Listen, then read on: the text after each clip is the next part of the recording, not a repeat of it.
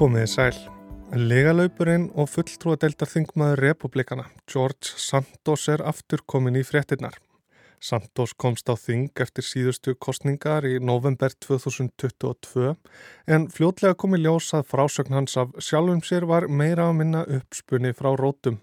Santos var ekki sá sem hann sæðist vera, hafði ekki unnið þar sem hann sæðist hafa unnið, nýja farið í skóla þar sem hann sæðist hafa farið í skóla. Did I embellish my resume? Yes, I did. And I'm sorry. Santos gerði þó meira en bara að fegra ferilskrá sína. Hann lögur raunar um allt milli heimins og jarðar, ekki síst fjármál sín og frambóð síns. Upp úr kafinu hefur komið að lögbundin hagsmunaskráning Santos til bandariska þingsins sem Santos vottaði og sór að væri sönn og rétt stendst engan veginn skoðun. Nú standa því spjótin að honum úr öllum áttum. Yfirvöldi New York hafa byrt honum ákjæru í 13 liðum. Demokrater hafa lagt fram vantrauststillögu á hendur honum og fórseti þingsins republikanin Kevin McCarthy sem í fyrstu var tregur til að breyðast við hefur vísað máli Santos til síðanemdar. Ég heiti Snorri Raffn Hallsson og þú ert að hlusta á þetta helst. Helst í dag eru legar George Santos sem halda áfram að hrannast upp og yfirvofandi skuldadagar. Skrautlegur ferill Santos var til umfjöllunar hér í þetta helst 31. januar og verða hinnar ótal legar því ekki taldar upp núna. En þá þegar voru grunnsendir farnar að vakna varðandi fjármál hans og við skulum því rifja aðeins upp. Það sem enn er á huldu er hvernig hann fjármagnaði frambóðið í fyrra. Þegar Santos böð sig fram árið 2020 gaf hann upp árslaun upp á 55.000 dollara laun sem hann fekk sem aðstóðar fórstjóri Linkbridge Investors. Það þarf vart að taka það fram núna að það er ekki satt. Hann tók að sér stöku verkefni fyrir fyrirtækið. Eitt af því fáa sem virðist standast skoðun í ferli Santos er að árið 2020 vann hann hjá fjárfestingafyrirtækinu Harbour City Capital. Fyrirtæki sem sæti nú rannsókn fjármála yfirvalda vestra fyrir að vera sveikamela. Santos var þó ekki sagaður um neinar miskjörðir og mánuði eftir að fyrirtækinu var lokað stofnaði Santos sitt eigið, Devolter. Tekjur hans ruku upp voru á bylnu 3,5 til 11 miljónir dollara á þeim stuttatíma sem það starfaði áður en Santos tók við ennbætti. Ekki eru þó öll vissum að peningarnir séu fengnir með þeim hætti sem Santos segir, með því að hafa milligöngu um sölu luxusegna svo sem snekja og engaflugvila. Á fjármálaskíslu frambóðsins gaf hann nefnilega ekki upp neina viðskiptavinni. Annarkort eru peningarnir því fengnir með öðrum hætti eða Santos hefur ekki greint frá mögulegum hagsmunatengslum sínum, sem er nokkuð alvarlegt.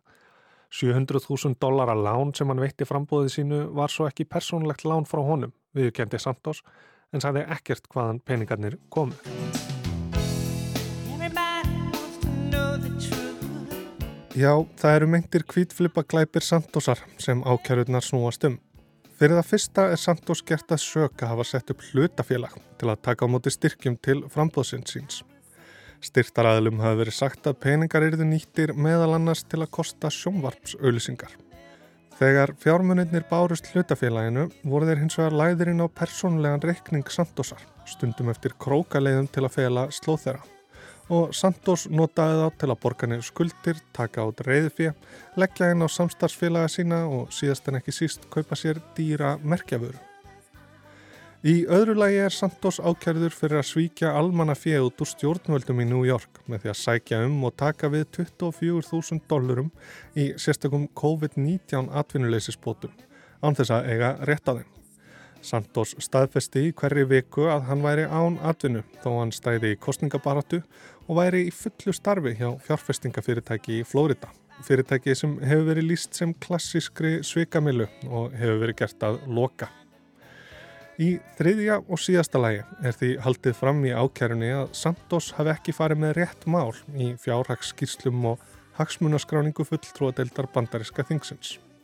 Það sem kemur á óvart í þessum ákjæruliðum er að á sama tíma á Santos helt raunverulegum tekjum sínum og sviknum bótum leindum fyrir þinginu, sæðist hann fá tekjur. Híminn háar tekjur frá eigin fyrirtæki. 750.000 dollara í árslaun og á bylnu 1 til 5 miljón dollara í arð.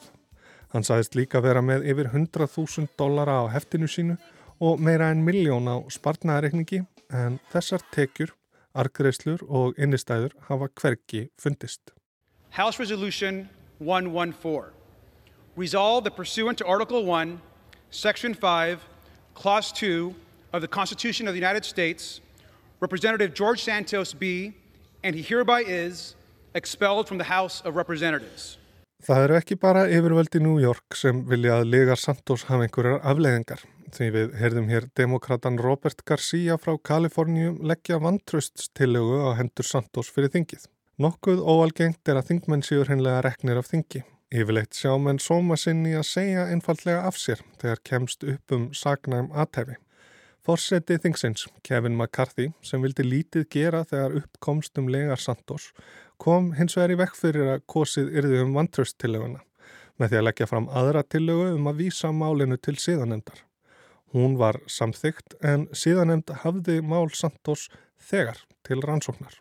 Hann er uh, í raun alveg ótrúlegur náðangi og hérna og svona það er þetta erfitt að nálgast þetta að fullir alvöru í rauninni margt í kringum hann, er svo hérna, hann er mikil erki týpa og merkilegur í rauninni á marga vegu sko. Andrés Jónsson Almanatengill hefur fylst grænt með gangi mála. En hvað gengur George Santos eiginlega til?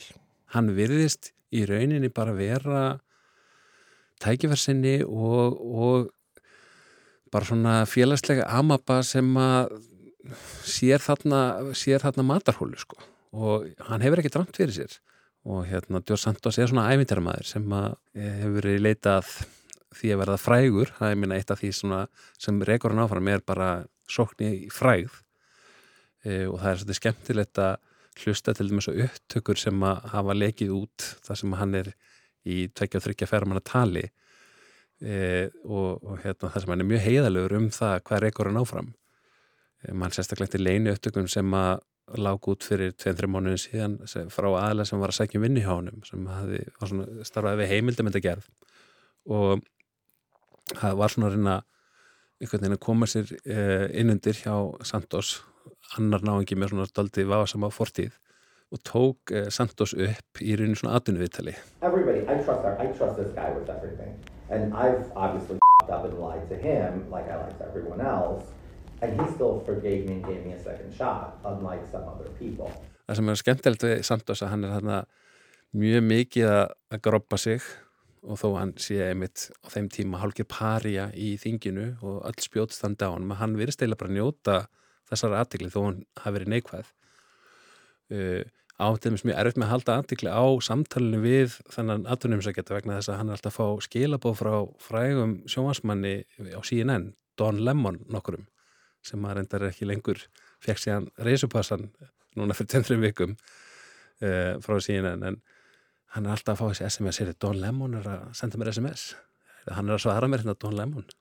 Þannig að hann er, hann er skröðli týpa Don Lemon just texted me. I'm sorry, I, I, I got it. This is, I'm listening to you. We're, we're Nú verðist þetta gangað mitt út á aðtikli og frægð. Er öll aðtikli góð aðtikli? Öll aðtikli er ekki góð. Slæm aðtikli er slæm eins og það er sko kannski hlutleis aðtikli e, og góð aðtikli góð. Hún getur verið góð mjög marga vegu. Kannski starra samfélagi þar sem að eru er í lægi að vera vinsætlega og er með ákveðin tildikinn hóp þá getur verið allt í lægi að byrja hjálpað til í stjórnmónu sérstaklega ef að þú ert, þið farið mjög neikvæð aðtegli frá réttum aðilum. Og þá getur sagt að þetta séu aðilar sem séu samsæri gegn þér eða vandamáli séu þessir meginströðs fjölmilar eða einhvað fólk sem að viti betur og svo frammeins og það eru náttúrulega nokkrir í bandarækjum stjórnmálum sem að e, gera svolítið út á þetta. Og Santos held ég bara um leið og hann sá að það komst upp mann þá tók hann kursin í þessa átt. Að ætla bara að vera einhver svona sem að leta þetta ekkert á sig fá og þetta væri bara gaggrinn hún væri bara hún væri bara ómálumleg frá pólitískum hanstæðingum. Þegar hann var lausur haldi eftir hann var byrt ákæran þá uh, mætti hann fyrir frámann fjölmjöla og sagði að þetta væru nortnaveiðar á, á hendur sér og sæði líka að nú gæti hann farið að verja sig. Þetta væri bara upphafið. Now I'm going to have to go and fight to defend myself. The reality is, is it's a witch hunt because it, it, it makes no sense that in four months, four months, five months, I'm indicted. Hvernig úrskupunum á hann að fara að því að verja sig? Ég held að það sé nánast bara vita vonlöst sko. Það er svo mikið upplýsingum til, mikið tilvitninum þar sem hann er í bara að segja gessálega ósatt, hann er að segja alveg fráleta hluti. Það er bara ógetningur að halda utanum, hann, hann raunni lígur meira en hann segir satt sko og, og hérna og það, það tekur hann raunni engin hátilega þeir voru aðeins aðna svona þeir sem eru meira vandir að verðingu sinni í, í, í republikana megin aðeins að láta hann heyra það meira segja og svona vildi ekki hafa hann til að nála sér.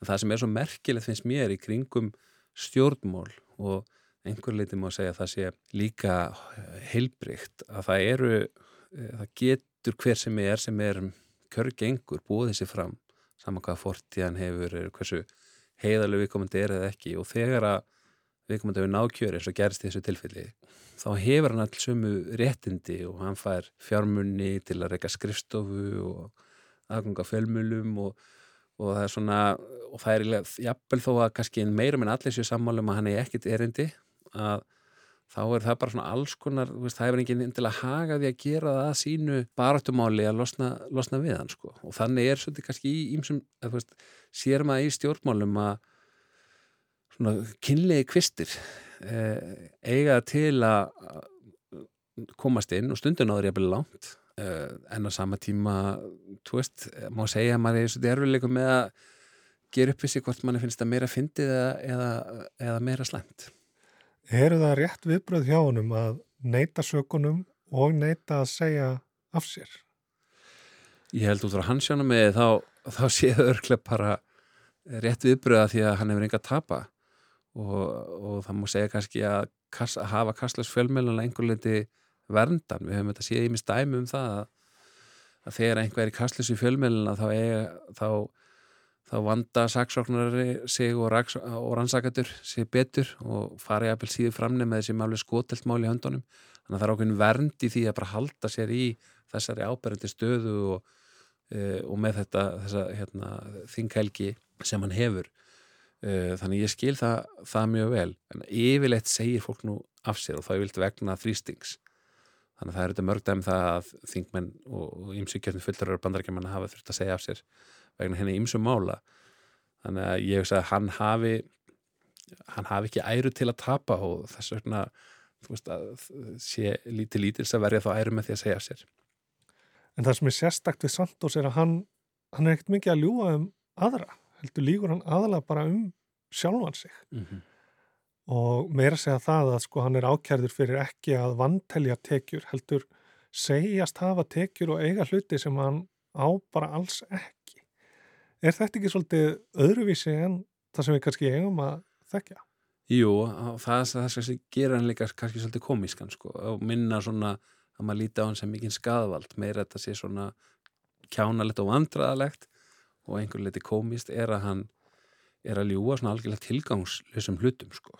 Uh, hann lög því til dæmis hann hafi lent held í að veri rendur í York og veistu, bara vera á skónu sínum og mann ekki hann hafi verið nakin eftir að þetta var eitthvað svona allavega lýsingarna voru ekki til að gera hann, sína hann í einhverju fallegu ljósi hann hafi bara verið lamin fyrir eitthvað og, og eh, hann verist svona ljúar sko hlutir sem eru hafa, hafa verið algjörlega tilgangsleisa legar sko. Þannig að því liti er þetta óvunlegt og eitthvað sem maður sér ekki ofti í stjórnmálunum. Uh, en saman, sam, saman tíma bara freka komist og Eh, umfyllinum mitt er svona uh, hefur verið þannig að hérna, fólki finnst þetta svona skítut og kjánulegt og svolítið bara hann vorkinur honum um leið sko. Hann er brjóstumkennalegur Yes, I am. And why should anybody believe you now? Well, like I said, I will prove myself innocent and then we'll move from there and re-election is a very far time away. Santos hefur tilkynnt að hann sækist eftir endurkjöring í næstu kostningum. Það þurftan reyndar að gera þar sem hann hafði þegar tekið á móti yfir 5.000 dólarum í kostningasjóðsin. Ég spurði Andrés hvort einhverjar líkur væri á því að Santos kemist aftur á þing eftir rúmt ár. Nei, ég held sér alveg útlöka og það er þetta búið að gera tölvist að könnunum meðal kjósendans og það fólk eh, svona, það hefur spurt hvort að finnst hann vandrarlegur og er unni villosna við hann alveg mikill meiri hluti. Hann kannski stefnuna því að verða svona einhvers konar eh, sjómarspersona, þú veist, vera með þátt á einhverju að þessum hægri sinnuðu sjómarskapal, sjómarstöðum.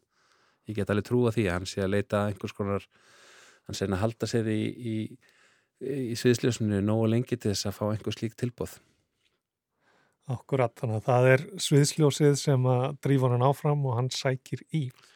Já, og stjórnmálinn eru farin að snúast æmeira um sviðsljósið og geta okkar til þess að vera í því og, og æg minna í rauninni um svona hvað er að marka það sem, að, sem sagt er. George Santos er saklausun sektir sönnuð. Hann kemur næst fyrir dóm 30. júni og meðan heldur ansók síðanemdar fulltrúadeildar bandariska þingsins áfram. Hámarks refsing fyrir brotin sem Santos er sakaður um er samtals 20 ár og þingið gæti kosið að taka af honum þingsætið. Þetta var helst af þingmanninum ótrúlega og ótrúverðuga George Santos. Ég heiti Snorri Raffn Hallsson og þakka áhernina.